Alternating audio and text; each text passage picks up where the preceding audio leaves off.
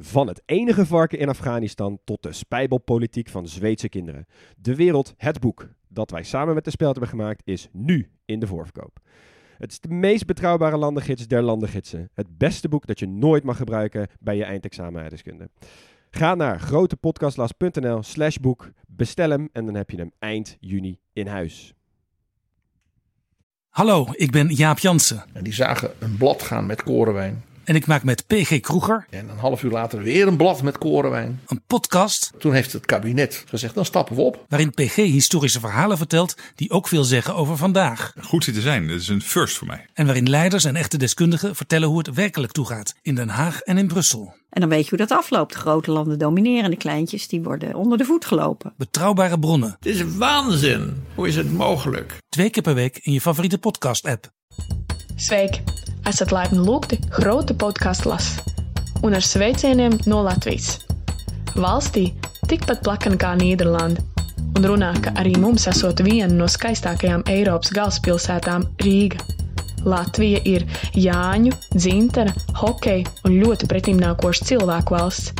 Ielūkosimies, kāpēc tieši Latvija ir foršākā Baltijas valsts. Izbaudi!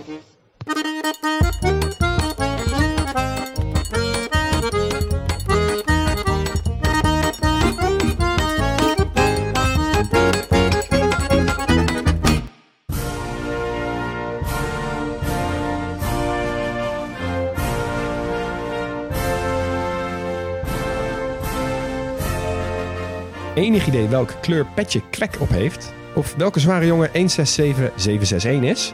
Als je altijd in één adem genoemd wordt met je broertjes, kan het lastig zijn om je te onderscheiden. Iedereen kan het lijstje Estland, Letland, Litouwen opdreunen. Maar hoe positioneert Letland zich dan als middelste van de broertjes? Het antwoord is, soms trekken ze samen op, soms trekken ze vooral een eigen plan.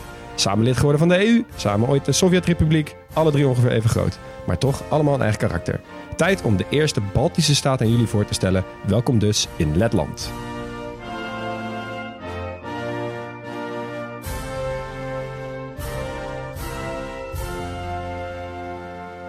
Ja, jongens, eerste van de drie.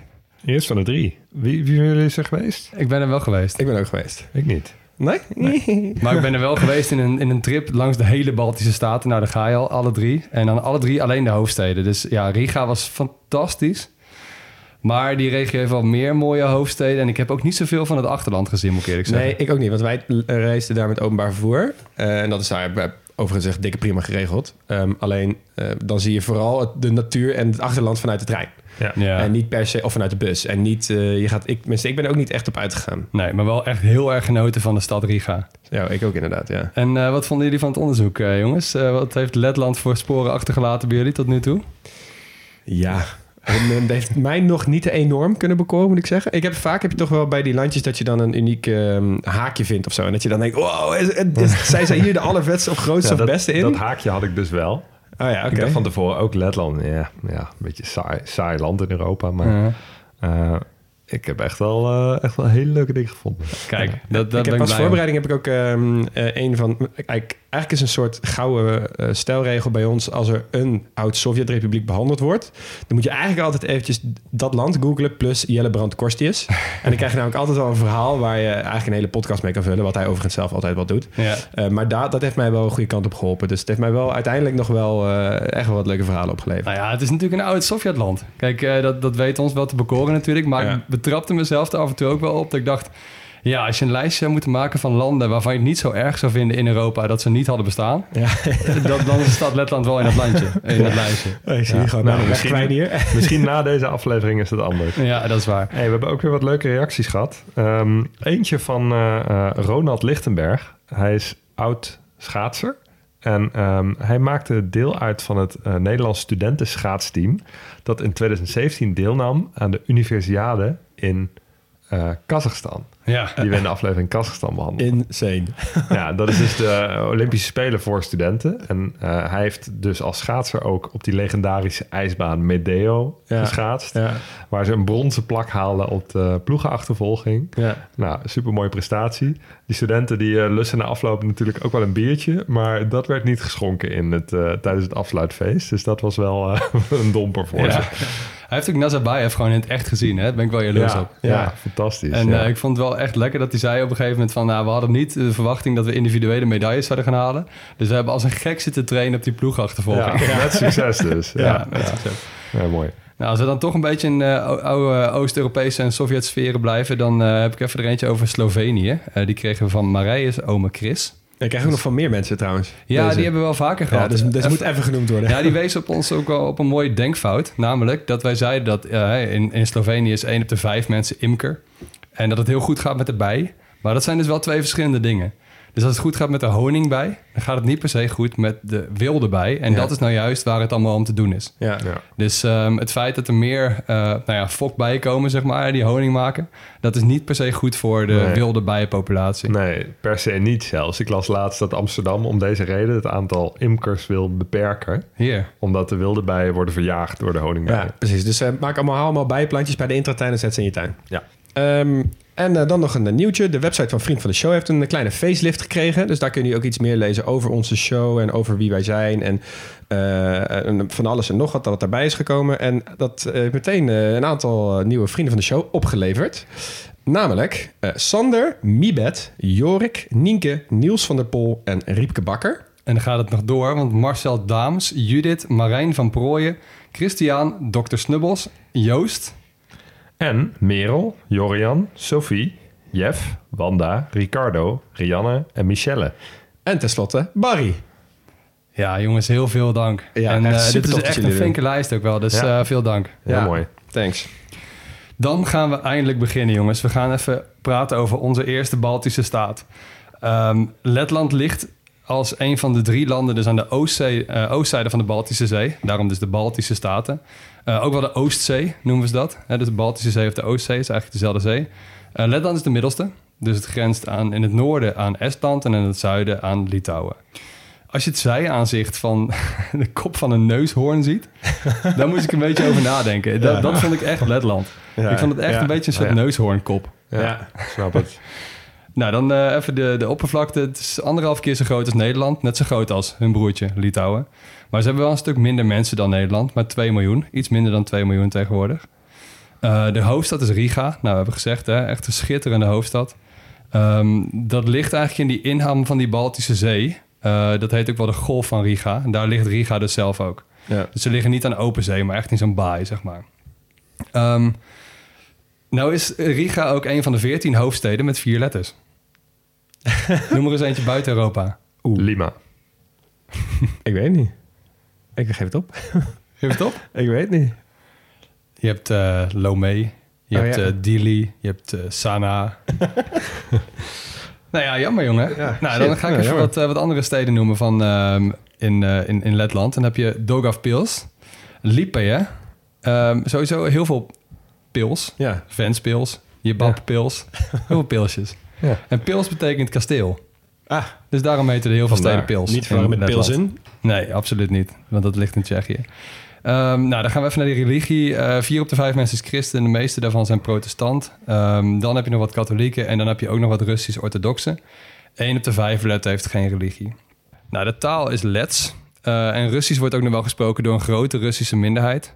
Ehm komen we even op de achternamen. En dat is wel even een mooie. Je hebt eh Berzins, Ozols en Ivanovs.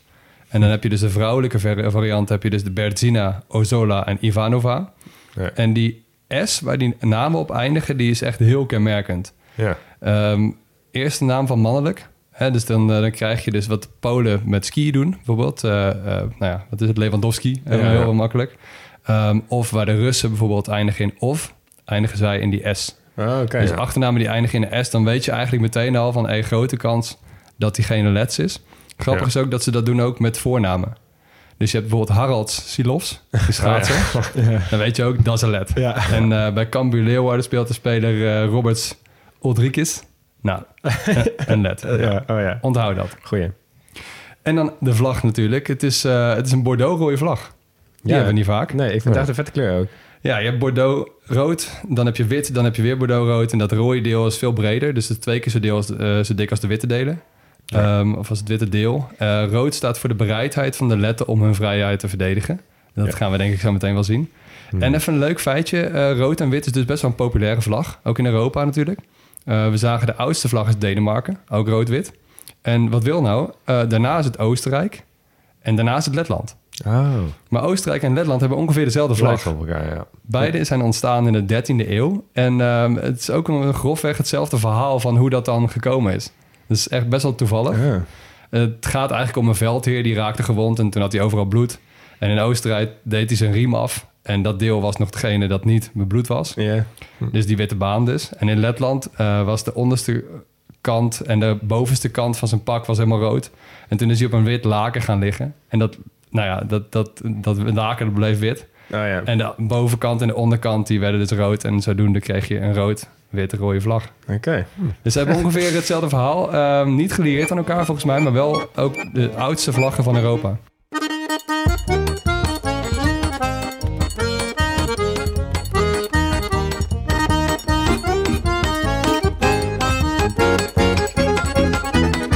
Nou jongens, we hadden het net over die vergelijking met Denemarken. En die, eh, die vergelijking die gaat nog even door. Want eh, Denen, dat zijn zo'n beetje het gelukkigste volk van de wereld. En de letten die komen er wel minder goed vanaf. Ehm, ik wijs even op een onderzoek, onderzoek eh, van Eurostat in 2019. Eh, daarin vroegen ze aan mensen of ze over een periode van vier weken... gemiddeld gezien gelukkig waren geweest. En de letter die eindigde onderaan met 31 procent. Dus dat is een beetje zo'n 's werelds minst gelukkige volk. Eh, blijft overigens wel een beetje een vaag onderwerp. Ja, wat dus, eh, nou hoe meet je nou Heel zoiets? Ja, Bhutan natuurlijk eh, heel weer bekend. Lang niet gehad over Bhutan trouwens. Nee, Bhutan, maar- ja goed, eh, wordt, eh, wordt volgende seizoen denk ik. Ja, maar die hebben natuurlijk dat, eh, dat geluks-GDP, zeg maar. Niet Ja. op het bruto eh, geluksproduct. Ja, die hebben daar wel echt, eh, wel echt staatsbeleid van gemaakt. Nou, je hebt bijvoorbeeld eh, dingen als het World Happiness Report. Dat is toch echt het meest toonaangevende model.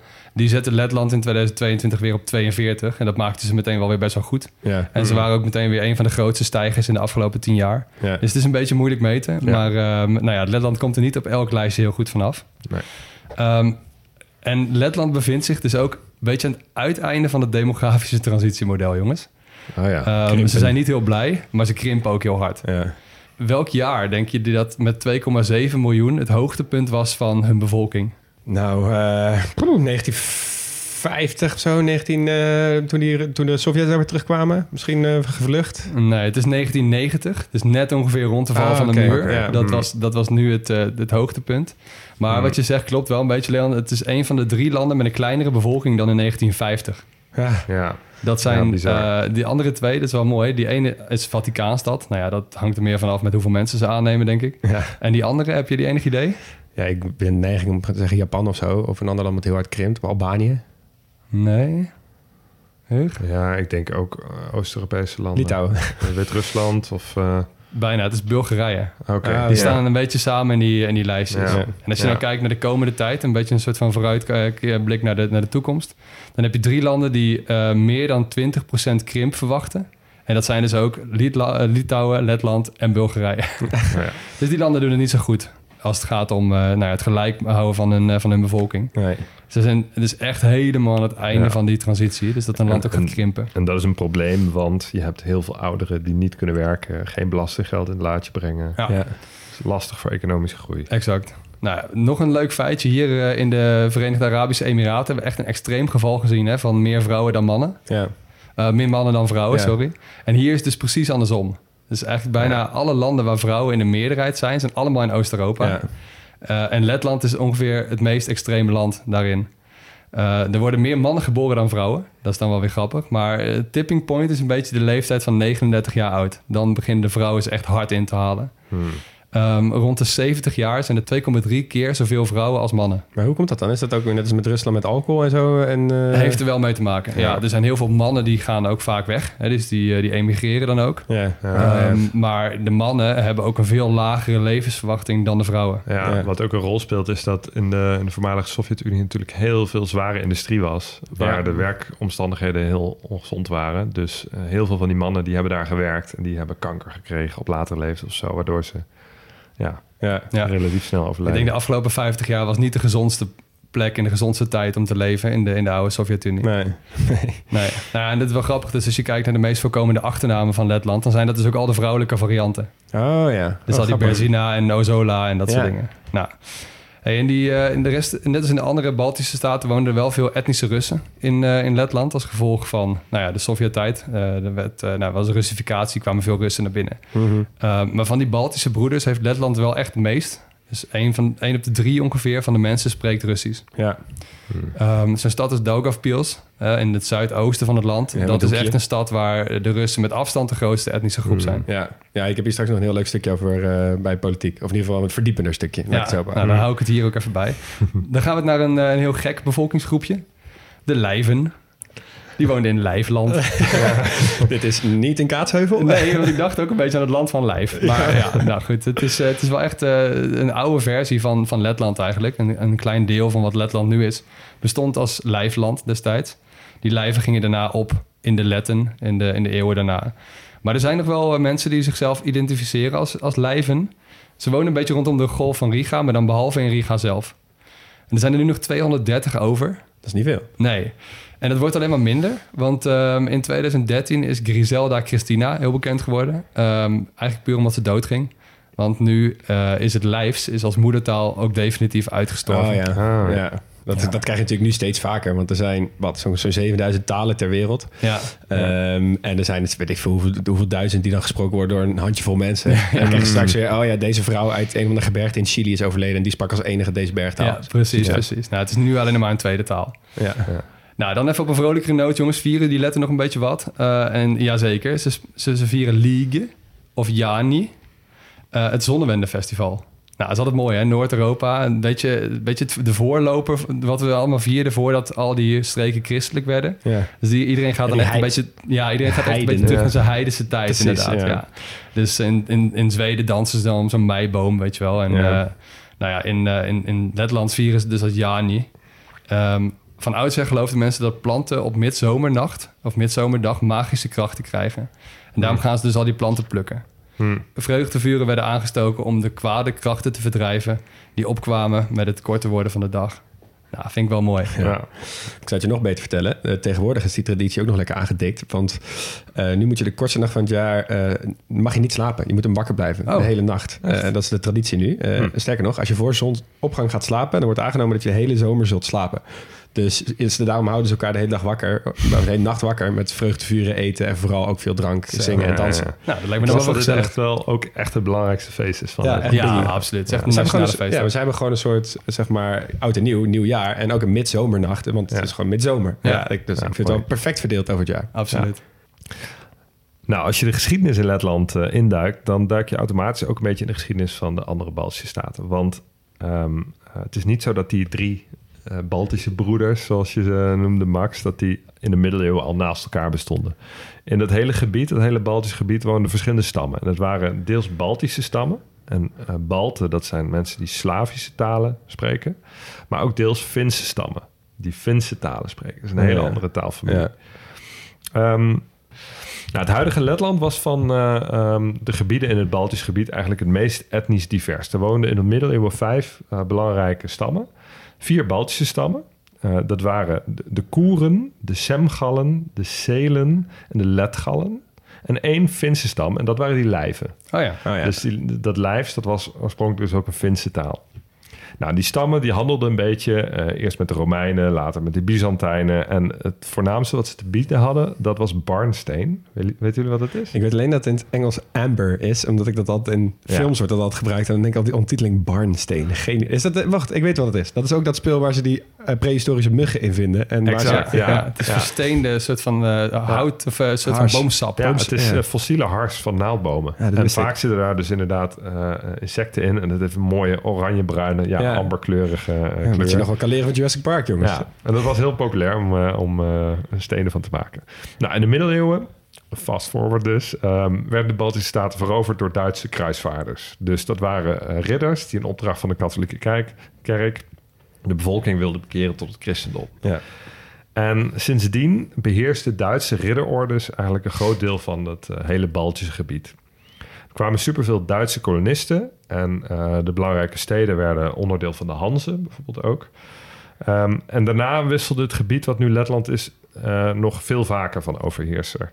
Eerst probeerden de Russen het in te pikken. Ehm, die werden verjaagd door de Polen en de Litouwers, die ten zuiden van, eh, van Letland woonden. Eh, daarna kwamen de Zweden en daarna weer de Russen. En die bleven er een, eh, een tijdje. Dus de tweede, tweede Russische invasie was een succes. Wanneer, wanneer hebben we het dan nu over? Ja, we hebben het over de periode eh, eigenlijk van de late middeleeuwen tot aan de 19e eeuw. dat Oké, was dus ja. een afwisseling van, van Duitsers, Polen, Litouwers, Zweden en Russen. Hm. En in die hele tussentijd bleef de handel een, een belangrijke bron van bestaan. Ehm, tijdens de Pools-Litouwse overheersing had een van de hertogdommen in het huidige Letland, eh, eh, het hertogdom Koerland en Semgallen, naar twee van die stammen dus, had zelfs overzeese koloniën. Wat? Namelijk Nieuw-Koerland, wat wij nu kennen als Tobago in de Cariben. Ja. Wat is dit? Ik vond Ja. dit zo fijn. ik hoorde het nu voor het eerst. Ja, ik dacht, holy shit. Wow, Ja. En Koerlands Gambia in West-Afrika. Ja. Heeft niet heel lang geduurd hoor. Het over, de, over de 17e eeuw hebben ze een paar jaar kunnen aanhouden, maar toch. Ik had je deze Ehm, nooit gegeven. Dit is ook Nee, goed voor een quizje nee, trouwens. dat was inderdaad ook echt. En eh, nou, waar ook bleek, uit bleek dat de, de handel belangrijk bleef voor het gebied, was dat in de 19e eeuw was Riga, toen het dus in Russische handen was, was het de grootste havenstad van het Russische Rijk. Oké. Ja, ja. Dus nou goed, het geeft wel aan. Die Oostzee, dat, dat, dat floreerde enorm en Riga was daar een belangrijke eh, speler in. Nou, intussen was eh, ehm, eh, door die overheersing heen was er nog steeds een grote Duitse bevolking. En Duits was, was de taal die werd gesproken door de overheid en in het onderwijs. Dus ook in de tijd dat daar Polen, Litouwers en, en Zweden zaten, bleef er een Duitse elite. Eh, maar in de tussentijd hadden die oorspronkelijke eh, stammen in Letland zich wel een beetje geassimileerd tot een Lets volk. Dus er was wel een Lets, Letse identiteit, een Letse taal ontstaan. Eh, alleen die waren er nog niet in geslaagd om een eigen staat te, te vormen.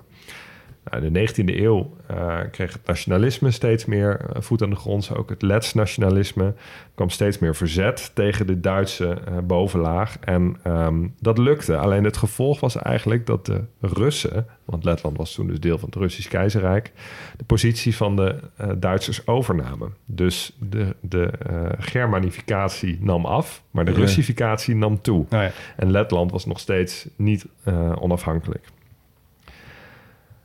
Nou, dan komen we in de Eerste Wereldoorlog aan. En ehm, ja, toen belanden de Letten weer tussen die eh, vuren in van Duitsers en Russen.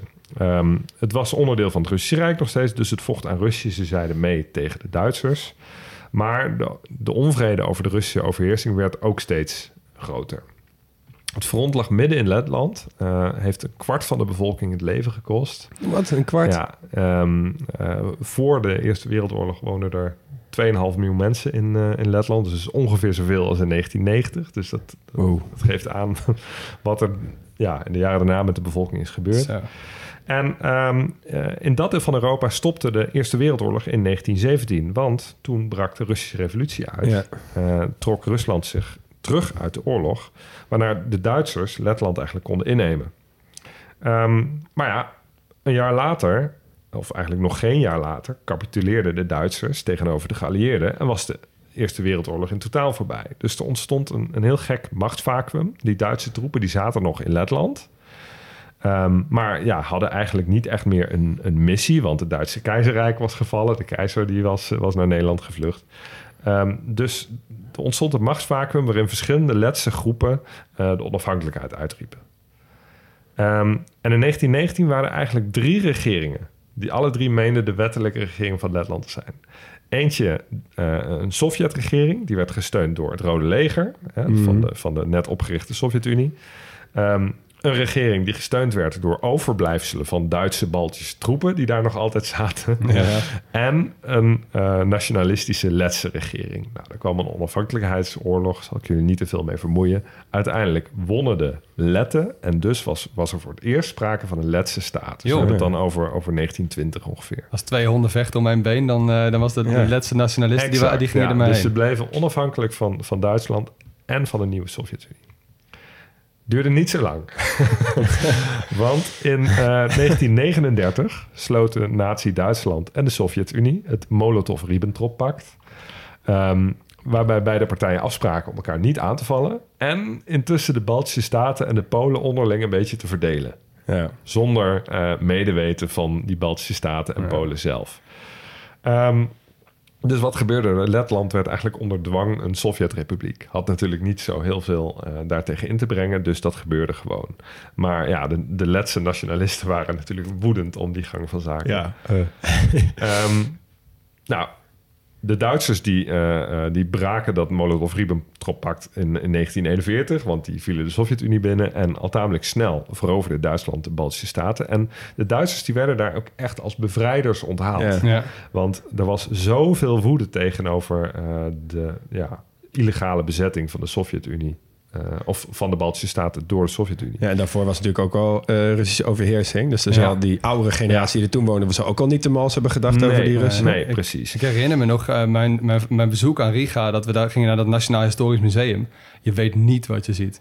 Dat is echt een soort tendens waarin je gewoon, uh, waarin nog steeds, uh, nou ja, de, de Russen uh, in een kwaad daglicht worden geschilderd, gesteld. Ja. Maar de Duitsers niet zo heel nee, erg. Nee, klopt. Kom ik zo inderdaad nog even over terug. grappig dat je het noemt. dus ja, er was gewoon ontzettend veel steun voor de Duitsers onder de Letse bevolking. er was een, een, een heel groot Lets legioen in de Waffen-SS. Dus heel veel Letten die enthousiast meevochten met, met de Duitsers. Een deel van de Letse bevolking was ook extreem had een groot aandeel in de, de gruwelijke misdaden die de nazi's ook in, uh, in Letland hebben, hebben begaan.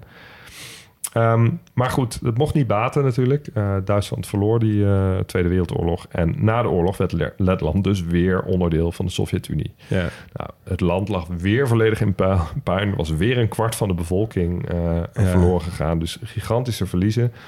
zowel holocaust-slachtoffers als gewone burgers, als soldaten. Zowel Ja. aan Russische als aan Duitse zijde. Dus nou, verschrikkelijk. En ehm, in de decennia daarna, onder de Sovjet-Unie, zette die Russificatie in Letland steeds verder door. Dus die 1 op de drie eh, mensen die Russisch spreekt in Letland, dat is ook voortgekomen, vooral Ja. uit die periode. Nou, dan gaan we even een sprong, eh, sprong naar voren. Want eind jaren 80 raakte de Sovjet-Unie in verval. Ehm, het onafhankelijkheidsstreven in Letland kwam weer omhoog. Eh, en in de andere Baltische staten ja, waren vergelijkbare tendensen aan de gang. En dat leidde op 23 augustus 1989 tot een van de ontroerendste momenten eh, uit de geschiedenis die ik ken. Jullie zitten allebei te knikken. Ja. Eh, 2 miljoen Esten, Letten en Litouwers vormden hand in hand lint van Tallinn via Riga naar Vilnius.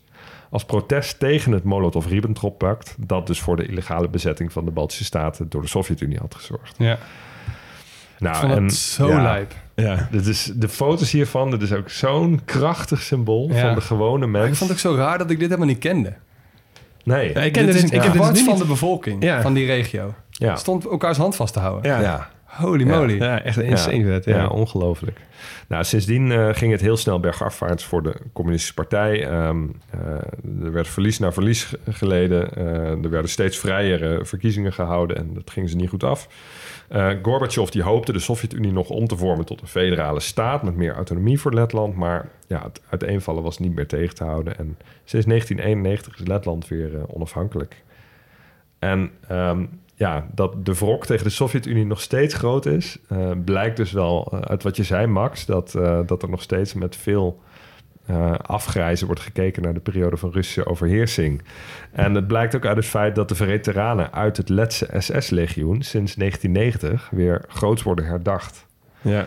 Ehm, door veel eh, Letten worden zij nog steeds gezien als, als patriotten. Er was zelfs een tijd een officiële feestdag voor. Ja. eh, jaarlijks op 16 maart, Legionairsdag. Eh, maar ja, dat lag natuurlijk wel heel gevoelig. Ze vochten misschien dan wel ja, voor onafhankelijkheid van de Sovjet-Unie... maar het legioen viel wel onder de Waffen-SS... die ook in Letland echt ja, verschrikkelijk heeft huisgehouden. Ja. Eh, dus tegenwoordig is de eh, officiële feestdag afgeschaft. Maar onofficieel wordt de dag nog steeds gevierd. En ja, dat leidt natuurlijk in links en rechts in de wereld nog steeds wel tot, eh, tot veel gefronste wenkbrauwen. Ja, want eh, dan mag ik hem hier van je overpakken.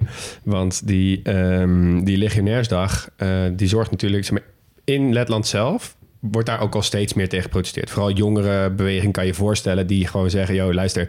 want die legionairs die zeggen dan... ja, wij zijn anticommunistisch. En dat zijn we nog steeds. Eh, hè? En dat we dan pro-SS zijn... ja, dat is omdat onze vaders en opa's... in dat SS-legioen hebben gevochten. Maar die jongere beweging die zeggen... ja, luister, je kan en anti-nazi zijn... en anticommunist. Dat kan gewoon. Ja. Dus die, we hebben, die tegenbeweging wordt steeds groter, steeds groter. En eigenlijk sterft het gewoon langzaam een beetje uit. Ehm, maar het, is wel, het heeft wel tot ook wel echt iets interessants ge- gezorgd. Want hè, Hugo, zoals je al zei, die afkeer tegen die Russen, die zit zo diep bij die letten. Ehm, eigenlijk alle, alle staten die uit de Sovjet-Unie voortkwamen, eh, die stonden voor het soortzelfde dilemma. Wat doen we nu met die mensen die in ons land wonen, die, die etnische Russen, zeg maar?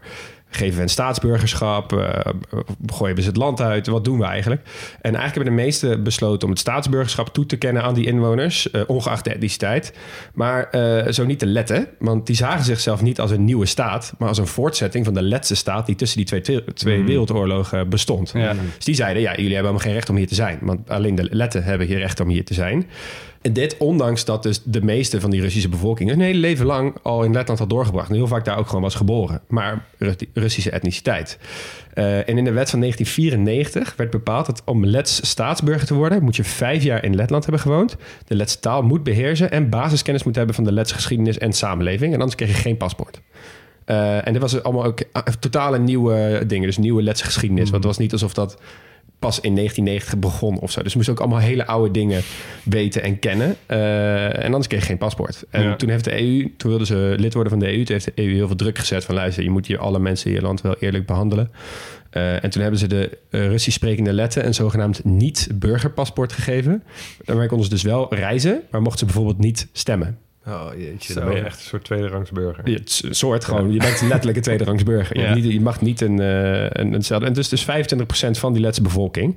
Eh, en daarvan is dus een groot deel mag dus niet stemmen. Nou, een voorbeeldje daarvan. In 2011 verzamelden de pro-Russische groeperingen in Letland voldoende handtekeningen om, eh, om te kijken of ze Russisch een officiële taal konden maken. Het is geen officiële taal in Letland.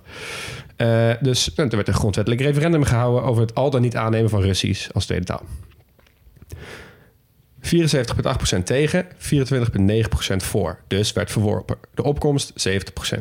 Bleek nou dat echt 14 van die hele bevolking mocht niet stemmen. En als zij hadden mogen stemmen, dan was die uitslag totaal anders geweest. Dan was Ja, Russisch nu misschien gewoon een officiële taal. Maar ja, dat kon dus niet, want zij hadden, mochten niet stemmen vanwege dat niet-burgerpaspoort. Dus zo houdt dat zichzelf een beetje in stand. En je hebt dus één zogenaamde Sociaal-Democratische Partij, die heet Harmonie. Eh, en zij zijn een beetje de Russische politieke partij. Maar zij hebben dus gewoon van tevoren worden zij al standaard in de oppositie gezet. Eigenlijk. Maakt niet uit hoeveel zetels ze halen. En van de 100 zetels die het eh, parlement van Letland kent, halen zij standaard 20 tot 25 procent van die zetels. Een Ja. kwart van de bevolking. Ja, precies. Maar ja, die zitten dus altijd in de eh, oppositie en die mogen nooit meer regeren. Nou, in 2004 eh, traden ze toe tot de EU en, in, eh, en ook de NAVO meteen. En in 2014 ook tot de euro. Dus als je daarheen gaat, kan je lekker met de euro betalen. Het was het hoog, de hoogste opkomst van alle Oost-Europese landen die in 2003 een referendum hielden om bij de EU te komen. Ehm, ze denken dat dat te maken heeft met het feit dat ze de grootste zorgen maken over Letland. Omdat ze dachten dat ze vet, eh, vet terughoudend land. Hè, heel veel invloed vanuit Rusland. en natuurlijk heel veel etnische Russen. Maar ja, ze hadden even geen rekening mee gehouden dat die mensen toch niet mochten stemmen. Ja. Eh, dus uiteindelijk eh, best wel eh, gegroeid daar ook. Ja, maar als die mensen niet mogen stemmen, hoe kan Harmonie dan aan zoveel zetels Ja, komen? je hebt nog wel etnische Russen die gewoon een Lets paspoort hebben. Ah. Maar het zijn voornamelijk die oudere bevolking bijvoorbeeld... die, Die niet die geschiedenis leren, niet die taal paspoorten. spreken. Precies. Ja, Want kijk, ja, als, je nu, als je nu in Daugavpils geboren wordt... eh, of tien jaar geleden, vijftien jaar geleden... ja, dan zijn er genoeg ouders die je wel Lets leren. En Ja. als je eenmaal Lets kan... dan kan je ook wel wat makkelijker Lets staatsburger worden, zeg Draag maar. je ook niet vanuit de historie die Russische, Russische trots met je mee en zo. Ja, of, of ja, misschien juist wel, omdat je de hele tijd zo wordt eh, weggezet. Hè? Want je zult ook wel veel mensen ook wel Russische namen hebben. Nou, je komt uit een Russische regio, hè? Ja. Dat, dat, dat hoekje eigenlijk in het eh, zuidoosten. Eh, maar goed, maar dat heeft dus, dat heeft dus ook gezorgd voor eh, op dit moment voor best wel veel spanningen. Want hè, nu in Oekraïne. Dus Letland staat standaard bovenaan de lijstjes die zeg maar de hoogste relatieve financiële steun geeft voor de Oekraïnse kwestie. Maar ook eh, altijd vooraan staat bij de EU en bij de NAVO om te zeggen: ja, luister, misschien zijn wij straks de volgende. Ja. Help ons, weet je wel? Ja. Dus die verwelkomen al die oefeningen van de NAVO. Die zeggen tegen Nederland en Ja. Duitsland en Spanje... kom maar hier met je tanks, kom hier oefenen in die Baltische Ja. Zee. Laat maar zien naar Rusland. Ja, maar ze liggen ook natuurlijk gewoon, ja, ze liggen pal aan Rusland. Ja. Eh, eh, ver van het, van het centrum van Europa. Dus voordat NAVO-troepen daar zijn, Ja, eh, nee, zijn ze al lang overlopen door, eh, door Rusland. Ja, en ondertussen is er dus ook best wel wat... eh, wordt er ook links en rechts wat eh, plaagstootjes uitgedeeld. Nou, de ene keer plaagstootjes. Bijvoorbeeld, Letland heeft nu eh, RT eh, van, eh, uit Letland verbannen. RT is zeg maar de Russische staatszender. Ehm, wat natuurlijk best wel lastig is voor veel van die etnische Russen. Want die vo- volgden dat elke dag. Maar ja, Ja. hebben ze gezegd, mag niet. Ondertussen heeft Rusland gezegd... oké, als een van de eerste landen, Letland, krijgt geen gas meer van ons. Kijk, wij hebben nog wel eigen reserves hier in Nederland. Maar in Letland is dat een stuk lastiger. Toen heeft de minister van Buitenlandse Zaken... de Letse minister van Buitenlandse Zaken... Edgar Rinkevich gezegd dat eh, de EU Rusland moet aanwijzen als staatssponsor van terrorisme. Yo. En Rusland komt weer terug van, joh, ja, en dit zeggen ze ook in, te- of, eh, zeggen ze ook in hun eigen land. Ja, die letten, dat zijn allemaal natieveerders. Kijk maar wat voor legionairsdag ze hebben. Ja. Zij hebben gewoon optochten nog voor nazi's. Nou, we- we zouden ze moeten aanvallen. Weet je wel? En zo gaat het dus de hele tijd door. Dus het gaat steeds van kwaad naar erg. Dus laten we hopen eh, dat het eh, even de, de fingers crossed, dat dat eh, op die manier blijft. Ja, het is super interessant dat zo'n land echt worstelt met, met de erfenis vanuit het verleden. Weet je, aan de e- ze zitten zo gevangen tussen twee krachten. Ja, en dan ja. in dit geval is het nu Europa en Rusland. Maar het was ooit Nazi-Duitsland en Rusland. Zijn geen fijne eh, partijen om tegen te moeten strijden. Nee. En nu is men dus ook heel erg bang dat die Russische minderheid in Daugavpils... dat dat juist heel erg sympathisanten zijn van het Russische idee om Oekraïne binnen te vallen. Precies. Dus men zegt ook wel dat die Russen die daar wonen, dat dat precies de mensen zijn voor wie Poetin dit eigenlijk een beetje bedacht heeft. Mm. Ja, hij komt zijn Russische maten helpen in landen waar ze onderdrukt worden. Ja, we hebben gezien in Georgië. Eh, we hebben nu gezien in de Krim. Daarna in, eh, in het oosten van Oekraïne. En wie weet, in Letland heeft heel veel reden om te denken... Yo, wat nou als hier straks los van het feit dat ze en NAVO en EU-lid zijn... en al die andere landen dat, dat niet waren. Ja. Maar goed, nog één ding over die Edgar Rinkevich. Eh, ik ging hem even een beetje googlen. Eh, mooi vent. Eh, hij is al elf jaar lang minister van Buitenlandse Zaken. Oké. Dat doe je best wel goed. Hij wordt heel erg gerespecteerd, ook binnen de EU. Eh, en ik kwam een tweetje van hem tegen van 6 november 2014... met alleen de tekst... I proudly announce I am gay. Good luck, all of you. Gewoon, Stoer. ja, precies. Zoek maar uit. Ik ben gay. Prima. Vind ik heel Deal vet. Ja, het is niet het makkelijkste land om daar vooruit te komen. Dat denk ik ook niet, nee. Nee. Tof.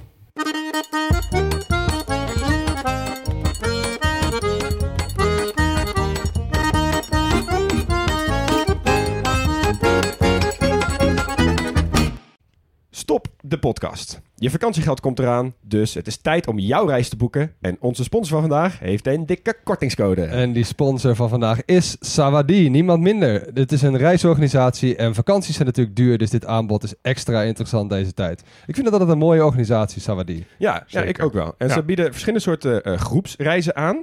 Eh, en vandaag gaan we het even hebben over die ze aanbieden aan de 22 tot 35-jarige backpackers. En dat zijn over het algemeen mensen die wel wat meer willen weten over het land dat ze bezoeken. En dus niet zomaar van A naar B die hotspots aflopen, busje in, busje uit. Ja, en het zijn ook mensen die het vaak leuk vinden in een groep eh, te reizen. En eh, die groepen die blijken ook heel snel vriendengroep te worden. Zowel tijdens de reis als daarna. Eh, mensen komen vaak nog heel, veel, heel vaak met elkaar terug, spreken af om te meeten en zo. En je kunt dus ook echt naar heel veel plekken op de wereld. Populair zijn op dit moment plekken als Zuid-Afrika, Marokko, Jordanië, Colombia, Nepal. Eh, maar bijvoorbeeld ook plekken die normaal gesproken niet altijd makkelijk te bereizen zijn voor, ik zeg maar wat, alleen reizende vrouwen. En dat zijn dan bijvoorbeeld plekken als India. Ja, en ze werken natuurlijk samen met lokale organisaties, niet met de grotere hotelketens. Eh, ze eten bij locals, eh, lopen rond met mensen die heel veel kennis hebben over de lokale gang van zaken. En daar komt de kortingscode om de hoek kijken. Want als je nu een 22 tot 35ers reis boekt, krijg je 100 euro korting met de code TGP100. En die code is geldig van 1 mei tot 16 juni. Ja, dus je moet wel een beetje op tijd boeken, maar hey, 100 euro korting op zo'n reis. moet je kijken dat- wat je er allemaal mee kan ik doen. zou dat toch altijd even proberen om TGP 200 in Ja, te voeren. ja, ja, ja, ja. ik misschien. Ja. Ja, ik- Anyway, 100 is ook al super mooi. Zeker. En bij Saudi, het reizen is heel makkelijk. Er is heel veel keuze en het is dus ook heel gezellig. Saudi, met wie ga jij op reis? Terug naar de podcast.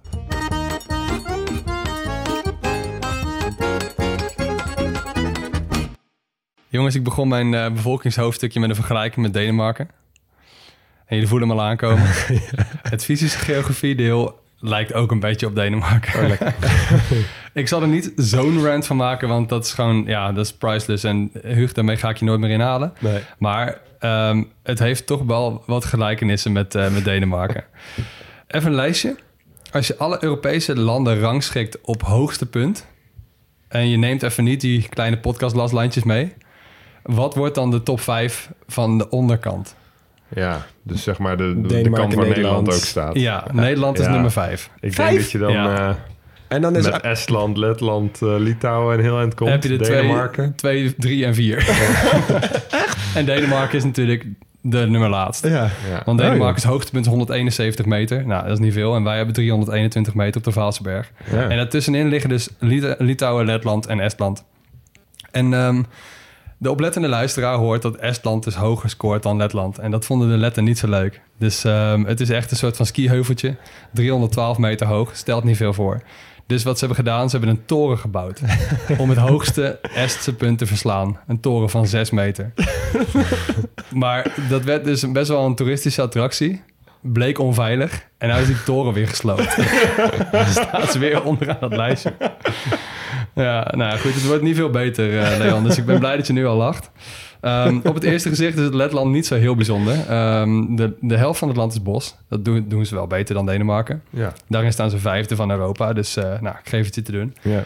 Gewoon een heuveltje hier, weet je, riviertje daar, een hoop meren. Eh, die beschermen ze overigens wel goed. 20% eh, van, van de natuur is beschermd, dus dat is hartstikke goed. Maar toch, het wordt nergens echt spannend. En ik zat even te kijken van, heb je dan nergens een unicum in, in Letland? Jazeker wel, want ze hebben de breedste waterval van Europa. Echt? Jazeker. Gaaf. Bij Kuldiga, Ja.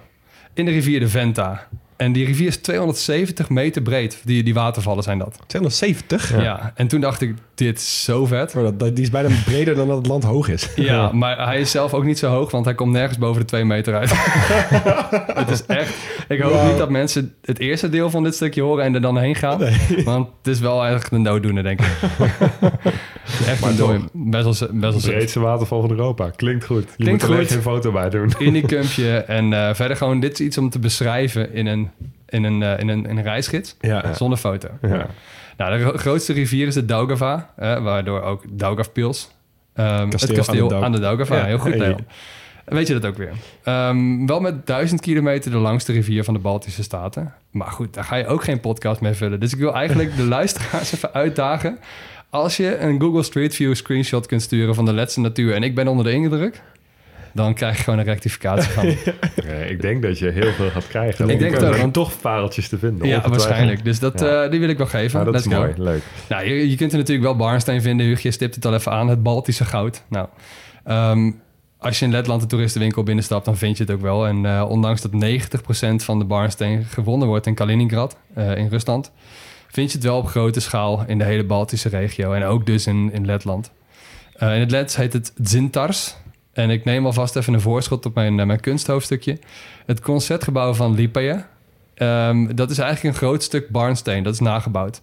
Het is niet Hm. echt barnsteen, maar het oogt als barnsteen. Hm. Een soort van combinatie van barnsteen met brutalisme. Het is wel echt Wow. lekker. Het is een soort van... Het is een beetje scheef. Dus het lijkt een beetje op de toren van Pisa. Maar het fijne is dat als het licht erin valt... dat het een gigantisch mooie kleur krijgt. Echt zoals barnsteen zelf Ah, ook ja. kan. Ja. Ja, Dit, is, dit is wel iets waar je even een foto van op de social zetten. Ja, Ja, dat zou ja. ik absoluut doen. Nou ja, dat gebouw hebben ze wel even op moeten wachten, want in 2015 hebben ze het geopend. Maar ehm, hij heet ook The Great Amber trouwens. Heel vet. Vet. Maar ehm, daar hebben ze wel op moeten wachten sinds 1896. Eh, ik weet niet wat er in de tussentijd gebeurt. ik is. je moet even terugspoelen en dan heeft je precies verteld wat er in Ja, de tussentijd waarschijnlijk veel oorlogen, weinig tijd om de mooie dingen te bouwen. Maar Ja. eh, ze hebben toen besloten dat ze het gingen bouwen en dat hebben ze in 2015 gedaan. Ja. Heel tof. Hm. Cool. Nou, Maxi, ga ik je nu eigenlijk gewoon meteen confronteren met een misschien live rectificatie. Hey, hebt mooi, eh, namelijk- mooi screenshotje gevonden. Ik heb eh, zeker een mooi screenshotje gevonden. Je hebt namelijk de Zalje Zelzielje. En dat spreek ik ongetwijfeld verkeerd uit. Dus excuses aan alle, alle native eh, Letse luisteraars hier. Kan nooit wat zijn. Dat zijn de groene spoorwegen. Dat zijn eh, routes die hebben ze aangelegd over voormalige spoorlijnen... die dus eh, van Letland naar Estland liepen. Door de bossen en oh, langs het water en zo. Oh, een beetje wat je in Nederland ook hebt naar België. Ja, maar more or less. En wat je in Luxemburg zeg maar ook hebt. Alleen het verschil is, is dat ze daar dus alles hebben laten volgroeien.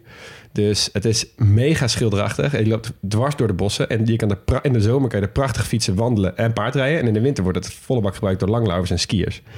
Dus het is echt, echt prachtig om te zien. Het zijn allemaal van die overkappingen en van die, zeg maar, waar je dus helemaal het idee hebt dat je helemaal in de wildernis bent, omdat ze dat gewoon helemaal hebben laten verwoekeren. Ah ja. Ja, ik zit in mijn, Succes. in mijn hoofd nog met, eh, met, met Micronesië en met Cuba van de afgelopen weken. Dus daar hou ik het even bij. Nou, eh, over eh, stranden gesproken. Letland heeft dus serieus mooie stranden. En er gaan ook serieus veel mensen heen. Nou, bijvoorbeeld Jurmala of Kurzeme bij Riga is dat. Of Salkrast. Als je dat kijkt en je, zet, je zou zeg maar... Nou, even voor de, voor de goede orde zou je een, een blauw luchtje erop photoshoppen. Want meestal zijn die foto's eigenlijk wel gewoon bewolkt, zeg maar. Ja, Dan denk je, oké, wat een prachtige stranden. Het is alleen gewoon altijd best wel koud daar. Ja. Maar die zitten wel vol, al die stranden. Dus het van die lui, uit, bijvoorbeeld uit de regio... die gaan gewoon naar Letland om daar op de stranden te liggen. Omdat het serieus prima stranden zijn. Ja, oké. En Maar vroeger dan... misschien in de Sovjet-Unie-tijd ook. Zoals aan de Zwarte Zeekust. En daar gingen ook al die rijke Russen heen. Misschien Ja, ook naar Maar Letland. daar is het lekker weer. Ja, dat is zo. Ja. Kom aan. Dat is mooi. Op deze manier is elk land met een strand is mooi. Nee, maar je hebt het dus wat ik mooi vind aan die stranden daar, is dat die stranden die zijn allemaal even breed ongeveer en daarachter is meteen volle bak bos. Ja. Dus je loopt gewoon vanaf het bos zo het strand in. Het is nergens zo'n, eh, of misschien op sommige plekjes wel, maar niet die ik vond, van die schunnige boulevards zoals in Nederland de hele Noordzee is volgebouwd. Eh, dus ik- ja, ik vond dat wel benoemen waard. In ieder geval Ja. Letland, mijn stem heb je. Bos doet veel, hè? Bos Want, doet veel, kijk, dat, is, dat is natuurlijk het cruciale verschil tussen Denemarken en Letland. Ja. Ja. Wel bos, geen bos. Precies. Daarom Dat is geen wel rant. echt een wereldverschil. Maar nee, toch. ja, oké. Overigens, ik vind de Nederlandse kust niet zo volgebouwd. Statement, oké, oké. Nee, dat vind ik eigenlijk best wel meevallen. Ja, maar als je vergelijkt met de foto's van het Letse eh, kustgebied, dan denk je, Ja, jezus, die wat is hebben wel een rijk. ruige kust. Ja, nou goed, even verder met eh, wat meer cultuur. Ehm Karosta. Hebben jullie daarover gehoord? Hoe? Karosta. Nee. Nou, dat is heel bekend in de regio. En eigenlijk iedereen, behalve wij dus, die naar Letland gaat, die kent het en die is er geweest. Het werd gebouwd als Tsarenfort. Werd toen overgenomen voor de Tsaren dus, Russische Tsaar. Toen werd het een Sovjetbasis. En toen kwam het leeg te staan en werd een soort spookstad. Dus een heel groot gebied. Eh, denk brutalistische flatgebouwen, foto's van Vladimir Lenin op de façade... en een ziek grote orthodoxe kerk met een gouden koepel. Zo'n klassieker, weet je wel? Oké, ik luister. Nou, tijdens de Sovjet-tijd eh, wonen daar dus allemaal eh, zeelieden, want er was een haven dichtbij. Eh, die kathedraal, ja, die werd natuurlijk niet gebruikt, want de Sovjets houden niet zo van eh, religie. Eh, dus er werd een eh, sportschool, eh, een recreatie, amusementsruimte, maar dus ook een bioscoop. Werd ook wel de Rode Hoek genoemd. Maar wat krijg je nou als je in een kathedraal een bioscoop plaatst? Heel mooi licht. Ja, super slechte akoestiek. Oh ja, ja. Oh ja. Dus ze konden geen een van die films konden ze verstaan. Dus ze hebben de hele tent volgegooid met beton. Zodat die akoestiek beter is. Omdat ze daarna hadden ze er niks meer aan. Dus je hebt daar nu gewoon een hele lijp kathedraal met beton. Ehm, na de val van de Sovjet-Unie werd dit allemaal verlaten. En werd het eigenlijk een soort ramp. Overal eh, alcoholisme en drugsgebruik. En dat hele karosta werd steeds, eh, steeds erger eigenlijk. Toen kwam, toen kwam Letland bij de EU. Dus hadden ze wat geld gekregen. Toen dachten ze, oké, wat kunnen we hier nou doen? Dus hebben ze een wedstrijd uitgeschreven voor de allervetste ideeën voor deze, de spookstad. Dus allemaal mensen over de hele wereld hebben hun ideeën ingestuurd. En nu komt het vervelende. Ik heb die ideeën allemaal gezien. Die sketches waren echt prachtig. Overal superlijpe plannen met allemaal hele grote muurschilderingen. En oh, zeg maar echt die Sovjet eh, heritage een beetje omarmen. Maar er staat nergens online wat er is gebeurd. En wie er heeft gewonnen. Er staat wel dat ze hebben gewonnen. Maar er is nu nog helemaal niks uitgekomen. Geen actie. Nee, Oh, dus, ik heb, dus als je in Karosta bent geweest, laat even weten hoe het er daar nu uitziet. Ik ben heel Ja. benieuwd. Het is een dode mus, hè. Ik dacht dat ze er echt iets vets van hadden gemaakt. Nou, daar- die uitsmijter komt nog. In Karosta heb je namelijk ook de oude gevangenis. En daar hebben jullie misschien wel van gehoord. Want die is dus gebruikt door de nazi's en de Sovjets. Dus daar best wel wat mensen omgekomen, best wel wat mensen vastgezeten. En het is de enige militaire gevangenis in Europa die open is voor toeristen. Ehm, en wat je, daar, je kan er gewoon rondleidingen volgen, je kan er gewoon een beetje kijken. Maar wat je dus ook kan doen, slapen. Dus je kan er gewoon slapen. Oh ja, dat heb ik gezien, ja. En die kan je dus dan, eh, je kan het hele arrangement halen. Dus je kan gewoon een dagje rondlopen met een tourgids. En je kan de, hele nacht ook nog slapen. Maar je kan dus ook gewoon de- een gevangenisbewaarder inhuren. die dan de hele tijd jou gaat behandelen. alsof jij een Sovjet-gevangene bent. om de experience mee te krijgen. Ja, dat vond ik echt Wat is dit voor Waanzin, 2022 jongen. shit, jongen? Ik dacht inderdaad ook van, oké, ze hebben een oude gevangenis en dan kun je slapen. Nou, big fucking deal. En dan heb je dus ook van die lui, die ga je gewoon helemaal afranselen... en die laat die op de grond slapen in een Ja, donkere en, cel. en je krijgt gewoon eten onder zo'n luikje van je cel doorgeschoven. en je moet gewoon op zo'n hele lijpe tinnen wc moet je dan je behoefte doen. Ja, eh, zelf weten, maar prima. Mooi dat Letland daar ook wel gewoon een attractie van heeft gemaakt. Ja. Ja, mooi. Ehm, nou, dan moeten we het nog even hebben over Riga. Eh, want het historisch centrum van Riga is echt heel indrukwekkend. Nou, wij zijn er geweest, wij kunnen het zien. Eh, grote kerk, historische gebouwen, van die prachtige geplaveide straatjes, weet je wel. Eh, eh, in de zomer heb je heel veel pleinen, heel veel biertuinen en ook van die parken en straatcafés. Eh, nou, eh, prachtig. Fun fact, eh, de eerste schriftelijke vermelding van een versierde kerstboom komt uit Riga. Welk jaar denken jullie? Doe een wilde gok. Zo, nou Huug, moet je snel zeggen. Eh, 1500. Wat? 1510? Heb je dat gelezen? Nee. Ja, lekker. Nou, de, de mannen van de plaatselijke koopmansschilder versierden een boom met kunstmatige rozen, dansten eromheen op de markt en staken hem vervolgens in de fik. Tada, de eerste kerstboom was geboren. Nou goed, waarom je ook naar Riga wil. Eh, Riga is de stad met de hoogste concentratie Jugendstil-gebouwen ter wereld. Wij kennen Jugendstil misschien ook als Art Nouveau. Daar, zo staat het wel bekend in België en Frankrijk. Ehm, vet voor internationale architecten. Die hebben hier gebouwen ontworpen met de verbluffende, fantasierijke stijl. Hè? Dus die gevels zijn helemaal vol met decoratieve elementen. Boven die kroonlijsten vind je van, van, die, van die plaatjes van eh muzen en saters en obelisken, sphinxen, leeuwen, pauwen, vazen, bloemen. Je kan je niet voorstellen hoe extreem druk dat is, Ja, zo'n gebouw. Echt een goede Ja. bouwstijl. Echt overvloed, maar het ziet er wel echt heel vet uit. Eh, ik, heb, ik vond nog een mooi artikel in de geografie. Die stelt dat dit komt omdat in het begin van de 20e eeuw Letland een hele snelle economische groei doormaakte. Eh, en toen kwam er vet veel geld. Riga en ze wist niet goed waar ze hiermee, eh, wat ze hiermee aan moesten. Dus gooiden ze het maar in bouwprojecten. Eh, en het eerste pand werd gebouwd in 1899. En 15 jaar later, met het uitbreken van de Eerste Wereldoorlog, was het ook meteen weer sloes. Dus het is Ja. gewoon een periode van 15 jaar. Ja, maar wel best goed geconserveerd. Ja. Ja, en het staat dus ook sinds 1997 nog op de werelderfgoedlijst van UNESCO. En dan nog één allerlaatste kerst op de letterlijke taart. Stalins verjaardagstaart. Nou, Stalins verjaardagstaart is een gigantisch gebouw... wat heel erg lijkt op de Inktpot hier in Utrecht. Oh, ja. Heel veel bakstenen. eh, en het was ontworpen als cadeau voor Stalin zijn verjaardag. En toen ging hij dood. Dus hij heeft nooit gezien. Oh, joh. Ja, maar, dat is inderdaad zo'n gebouw wat ze in Warschau ook wel hebben Ja, daar moest ik heel En in erg aan Moskou denken. hebben ze er vijf van, geloof ik. Ja. Ja. Cool. Nou, dan even naar de economie van Letland. Ehm, en ja, kijk even naar, naar wat ze doen in Letland, wat ze produceren, wat ze exporteren. En eh dan zie je echt van alles terug. En is best logisch te verklaren, want eh, ja, in, de, in, in de tijd van de Hanze eh, exporteerden ze vooral grondstoffen zoals hout, ehm, maar papier en landbouwproducten. In de Sovjet-tijd kwam de industrialisatie op gang. En na de onafhankelijkheid van de Sovjet-Unie werd de dienstensector in één keer heel groot. Dus Letland heeft eigenlijk een, een best wel diverse economie gekregen. Ehm, als we het over de Letse economie hebben, dan ontkomen we er niet aan om te kijken naar de enorme opmars die het land heeft gemaakt in de periode na onafhankelijkheid van de, van de Sovjet-Unie. En dan vooral rond de eeuwwisseling. Zoals alle landen die eh, uit het communistische systeem kwamen, was er eerst, een, eerst sprake van krimp. Dus eh, ja, was eerst een klap waar ze van moesten herstellen. Ja. Maar Letland was wel een van de eerste landen die uit dat dal kroop. En eh, voor de kredietcrisis van 2008 was het de snelst groeiende economie in heel Europa. Oké. Dus het ging echt heel erg voor de wind. En eh, dat was ook het geval in Estland en in Litouwen. En eh, die Baltische staten worden daarom ook wel de Baltische tijgers genoemd. Ja. Hey.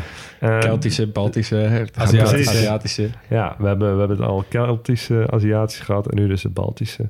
Ehm, nou, parallel aan die economische groei steken ook, stegen ook de huizenprijzen enorm. Als we denken dat we in Nederland eh huizenprijzen hebben die de pan uitreizen.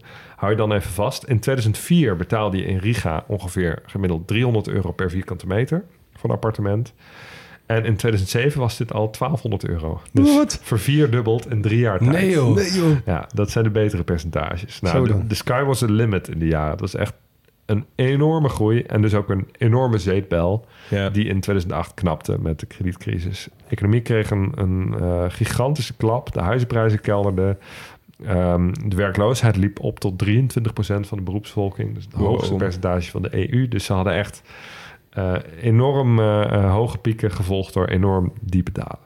Maar ehm, sinds 2010 hebben ze zich best wel goed weten te herstellen. In 2014 mochten ze ook toetreden tot de eurozone. En inmiddels is de, de economie alweer terug op het oude niveau. De coronacrisis even daar gelaten. Ehm, ik wil even afsluiten met een van, een van de Letse uitvindingen... waar we vandaag de dag het meest profijt van hebben. Namelijk spijkerbroeken. Ja. Ehm, want Jacobs Juves was eh, in de 19e eeuw een kleermaker. Die groeide op in Letland, emigreerde naar de Verenigde Staten. En eh, spijkerstof was er al veel langer. En eh, Jacobs Juves gebruikte dat ook. Maar wat, wat hij anders deed dan anderen... was dat hij klinknagels gebruikte om de naden te verstevigen. En Levi Strauss was degene die de grondstoffen leverde aan Juves. En op een gegeven moment hebben ze samen patent aangevraagd voor de jeans. En eh zijn ze die broeken gaan massa produceren. Super vet. Oh, wist ik helemaal niet. Lekker Letland. Ja.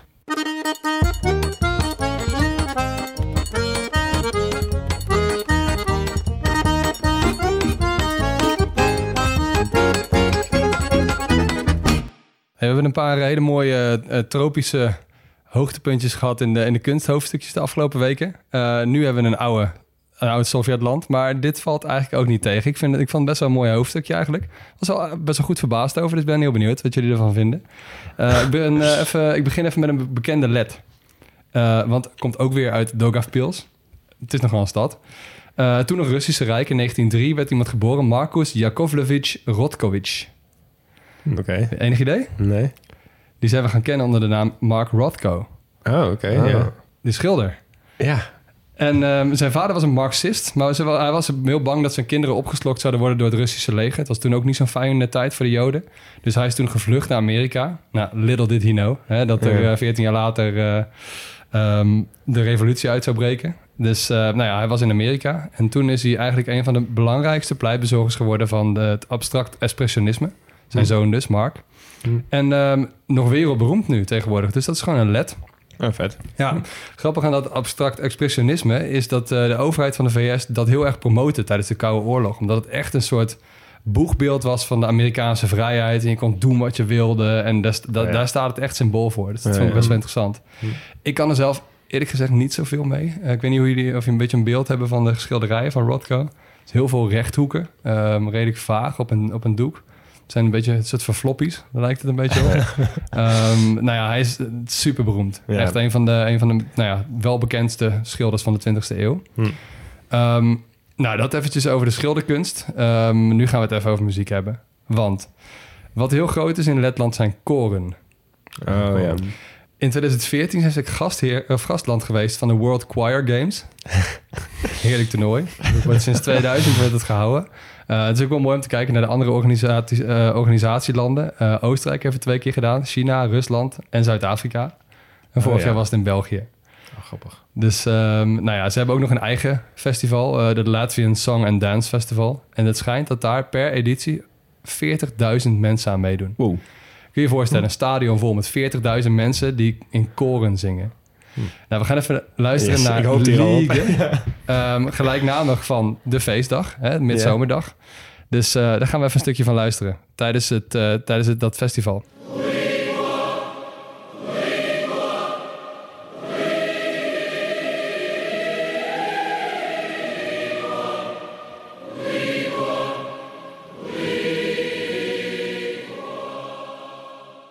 Voor als je bang was dat je de laatste taal niet kon verstaan. Ja. Zing er maar één woord. ja, ik vind het dus altijd best wel mooi. Ja, koor. maar ik krijg ook altijd kippenvel als het dan op een of andere manier... Het is altijd in een epische setting. Dus Ja. het is nooit gewoon op maandagmiddag op twee uur ergens op straat. Het is altijd in een hele mooie kerk en dan rondom kerst of zo... dat je je lichaam aan het contempleren... of je leven aan het contempleren bent. En dan is het altijd, zo, altijd kippenvel. Ja, Ja, het is wel episch, maar men, men kijkt ook wel heel ernstig. ja Dus zo is het ook serieus. wel weer. Ja. Ja. Maar ik vind het wel mooi dat Letland dus op cultureel gebied iets deelt met Zuid-Afrika. Ja, Nou, tof. ja. Nou, even terug naar de Sovjet-tijd. Ehm, op muzikaal vlak is er één ontwikkeling die je echt heel veel ziet in Oost-Europese landen rond die tijd. Eh, in de laat-communistische periode. En dat zijn dus protesten via rockmuziek. Oh ja. Oh, ja. Dus we hadden het al pas in Duitsland over, eh, over de Scorpions. Hè, met Winds of Change. Ja. Dat heeft een net iets, andere, eh, net iets andere achtergrond. Maar je ziet het in Polen bijvoorbeeld, zag je het heel erg. En in Rusland zelf zag je het ook heel erg. Ehm, in Letland heb je een band die heet Perkons. Dat betekent donder. Die symbool staat voor het verzet tegen de staat. Ik heb even een filmpje gekeken van nu. eh, de kleine documentaire van ze. Het zijn echt geniale oudjes geworden. Ja? Echt, van- echt badass, weet je. Het zijn echt stoere lui. En ze hebben ook best een aardig verhaal. Want ze vertellen dat er echt geblindeerde legerauto's langs reden... toen zij ergens aan het optreden waren. Ehm, daarin zaten dan de ministers van de laatste Sovjet-Republiek. En de, de volgende dag werden ze meteen verboden. Weet je, dus ze kregen Ah, echt bezoek ja. van de staat. En ze moesten altijd ondergronds, eh, onder een nieuwe naam weer. Hoogtepuntje, eh, de ballade, eh ballade Pargulbi, de zwanenballade. Eh, vrij morbide tekst. Die geeft, die geeft eigenlijk af op de oude fossiele Sovjet-leiders... die elkaar elke keer weer opvolgden. Oh ja. Ehm, ze zeiden eigenlijk dat, dat de, de, de opvolgende Sovjet-leider er eigenlijk nog belabberder uitziet dan degene die net gestorven was. Daar gaan we even een stukje naar luisteren. Ballade Pargulbi.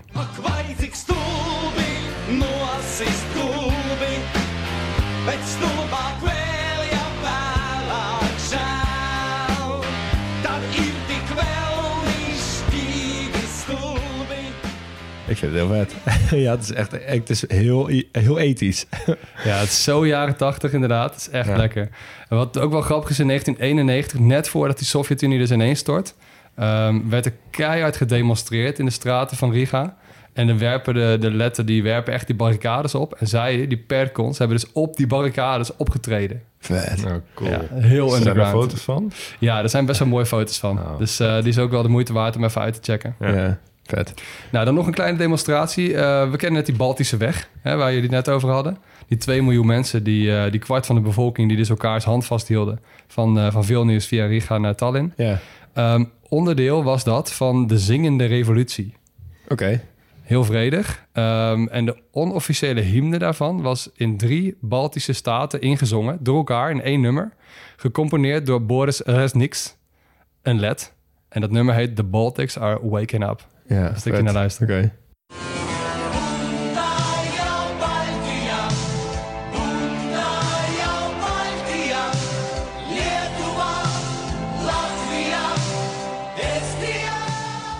Episch. Zo, Heel vet. Maar ja, ik kan me ook wel voorstellen dat, dat hier mensen met tranen in hun ogen dit hebben, hebben gezongen. Ja, ik vind het ook echt zo'n herdenkingsnummer. Dat mensen als ze het nu horen, dat ze weer tranen in hun ogen krijgen als ze het horen. Dit is alles wat het koningslid niet was, maar wel had willen zijn. Goed punt. ja. Nou, Letland staat ook niet eh, echt bekend om de meest verfijnde of spannende keuken. Ehm, dat is niet helemaal aan te rekenen, want als je ziet wat, er, wat voor gewassen er in dat klimaat kunnen groeien, eh, ja, die zouden we als, al vrij snel als saai bestempelen. Denk Ehm, meteen aan een aardappel nu op dit moment. nou ja, het zijn inderdaad veel dingen die, eh, die onder de grond groeien. Aardappelen, bieten, wortel, ui.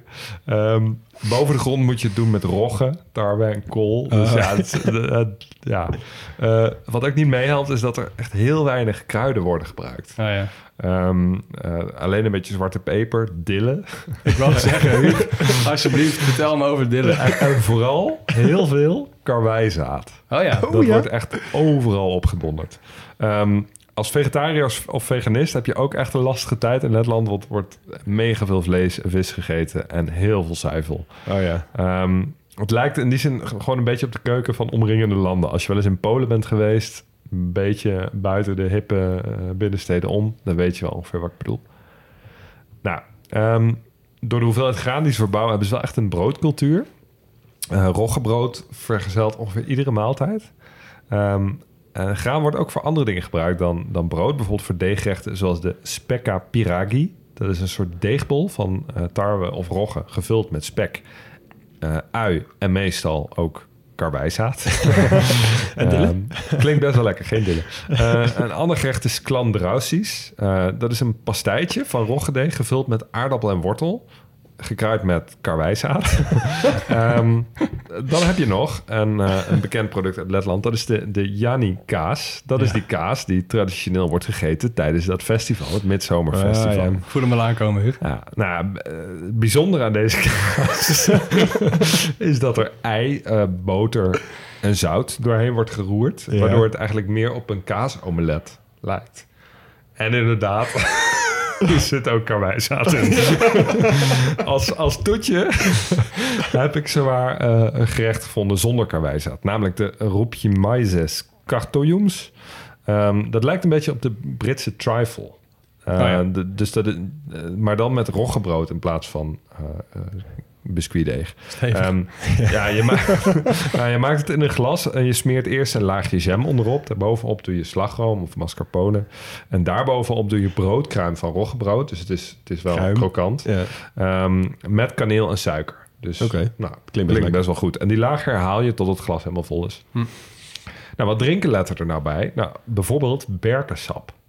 Wat hè? Berken? ja, dat is super populair. Berkensap. Van Is de dat zeg berk. maar. Bekenbomen. Pre-stadium van uh, Amber. Bar Barnstein?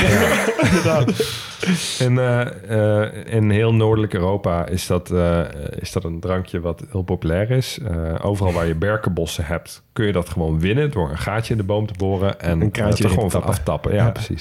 Je moet wel in het begin van de lente doen, want eh, eh, nog voordat er blaadje in de boom komt, want daarna wordt het sap heel bitter. Nou, het heeft niet heel veel smaak. Het is een soort kruidenwater. Ja, Ja, ja. Oké. ja. Nou, als we het eh, over de alcoholo- alcoholische drank hebben, ehm, een opmars bezig is wijn. Oh, huh. Ja, serieus. Er komen steeds meer druivensoorten op de markt die het beter doen in koude klimaten. Nou, het klimaat warmt ook nog eens op, dus dat helpt. En in Letland ligt de noordelijkst gelegen wijngaard ter wereld. Ja, Oké. Oh, dit is een mooi feitje. Ja. Best wel. En eh, Nog wel. oplopend in alcoholpercentage, de lokale sterke drank, dat is eh, Riga Black Balsam. Klinkt goed. pikzwarte drank. Eh, met echt een gigantische diversiteit aan, aan kruiden, specerijen, Nou, bessen. dan, dan wel. Ja, Als dan we wel. Precies. En ja, de smaak, dat is altijd zo, zo lastig omschrijven. Er wordt gezegd dat het ergens tussen drop en chocola in... met zure, bittere en zoete tinten. Ja, dat weet ik dus nog, nog is een precies beetje, een niet. beetje salmiakachtig of zo. Eh, dus je moet het gewoon echt een keer proeven. Eh, sorry voor deze uitleg. Je kunt het eh, puur shotten, maar je kunt het bijvoorbeeld ook aan je koffie toevoegen of over je dessert heen. eh. Ik ben een beetje smaken naar een bos, als ik het zo hoor. ja, Ja, of een beetje die, eh, die liqueur uit Finland die nu in heel Nederland hip wordt. De Salmari. Ah, dat, ja. eh, die echt zo'n eh, zo'n beetje inderdaad droppig, beetje eh, licorice. Beetje ja je hebt ook wel van die, van die tiramisu flavored beers tegenwoordig. Ja, ja Die- die, van die stuit. Ja, en eh, ik, ik, ik heb een beetje dat soort associaties. Oh, dat kan ook nog het zo lees. Nou, ja. ben benieuwd. Tom maar heen. Ja. Nou, sport. Eh, ja, dus altijd met van die eh, ex-Sovjet-landen is het lastig om dan een beetje een medailletabel eh, van de Olympische Spelen bij elkaar te knutselen. Want ja, die die hebben gewoon eh, van eh, 1936 tot en met 1992 onder de Sovjets gedaan. Maar ze doen niet onverdienstelijk. Eh, als Letland hebben ze vijf keer goud gehaald, 14 keer zilver en 12 keer brons. Dus best netjes. Eh, een van de vetste overwinningen, vond ik, weet ik nog wel, was eh in de laatste Olympische Spelen. Weet jullie nog welke dat was? Welke sport? Gouden medaille. Ik twijfel tussen eh, basketbal en ijshockey. Gouden medaille. Het was een nieuwe sport. Je zit wel in de buurt, Max. Eh, is het BMX of Het zo? is drie keer drie basketbal. Oh, joh. Heb, heb je dat nog Oh, gezien ja. toen? Dat Nee. was vet spectaculair. Dat was, ik dacht echt, oké, wat is dit nou weer voor een niche soort slap aftreksel van het basketbal wat we gaan doen? Maar omdat het 3 keer 3 is, hetzelfde, hetzelfde bord, gaat het vet snel. En Je bent de hele tijd bezig, dus, eh, maar daar zijn die letten dus vet goed in. Sowieso een groot eh, basketballand. Eh, ze noemen het zelf de derde nationale sport. Eh, ze waren een van de acht stichtende leden van de International Basketball Federation. Dus echt internationaal ook eh, groot. Ehm, eh, verder op de dag van vandaag doen ze niet per se heel goed mee. Maar er spelen wel nog wat letse spelers in de, in de NBA. Ehm, wat, zijn, wat is een tweede nationale sport, denk je? Ja, ik denk dat ik hem al genoemd heb dan. Namelijk? IJshockey. Nee, dat is de eerste. Oh, Tweede is voetbal. Waar je elke let minder de nacht uit zijn bed kan bellen... is dat ze zich in, eh, voor het EK 2004 hebben geplaatst. Dat was echt de grootste prestatie van het hele land. Iedereen werd helemaal gek. En op dat land, of op dat EK... Weet je wat ik ga zeggen? Speelt tegen Nederland.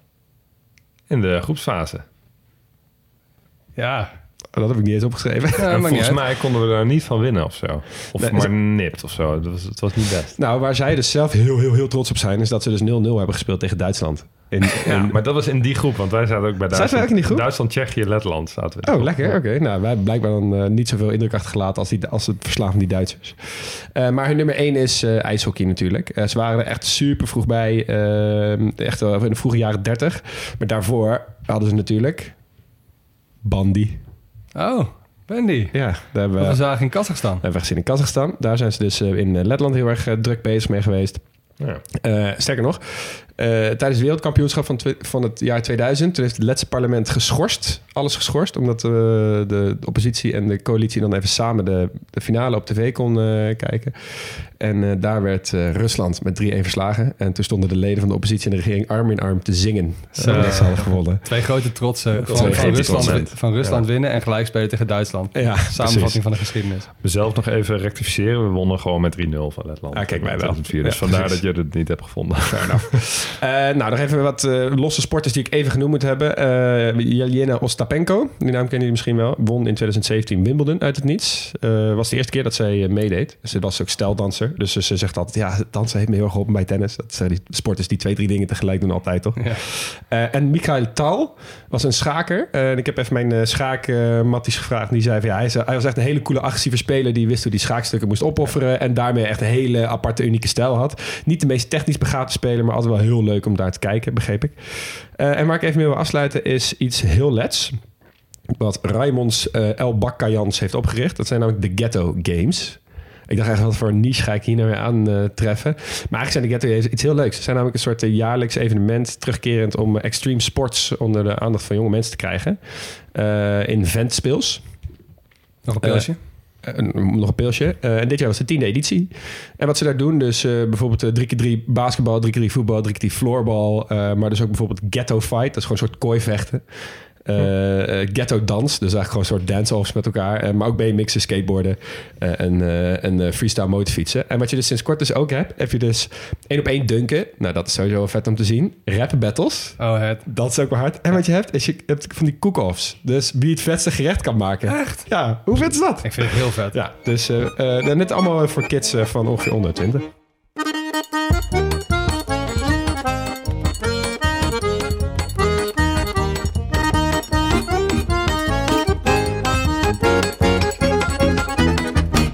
Jongens, ehm, lastig in die broertjes eh, battle. Maar wat maakt eh, Letland nou uniek?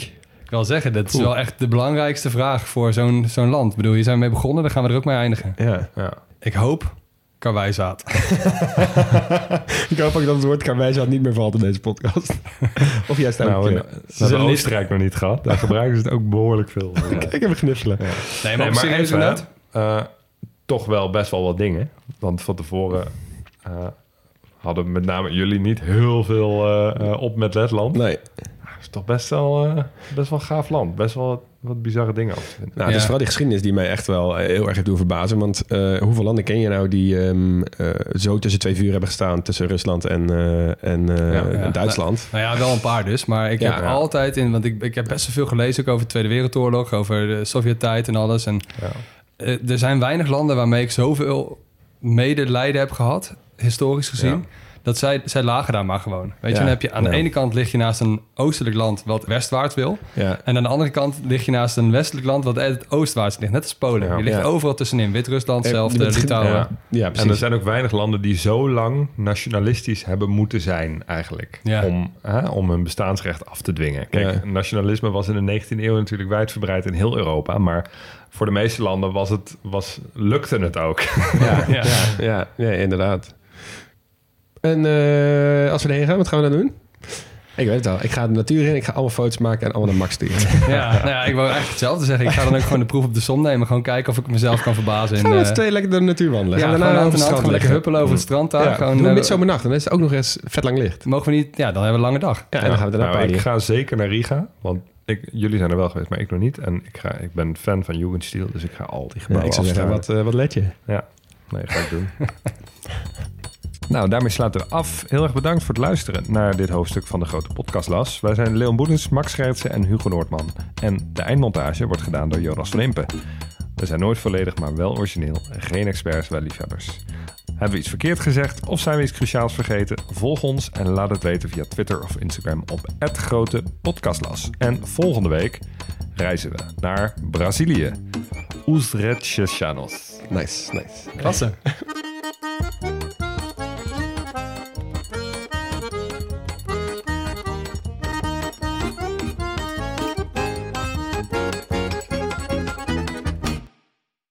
luisteraar, luister je nog steeds? Klasse man, je hebt er gewoon helemaal afgeluisterd. Nou, nu je tot hier bent gekomen, koop dan ook gelijk even ons boek hè. grotepodcastlas.nl slash boek. Doei!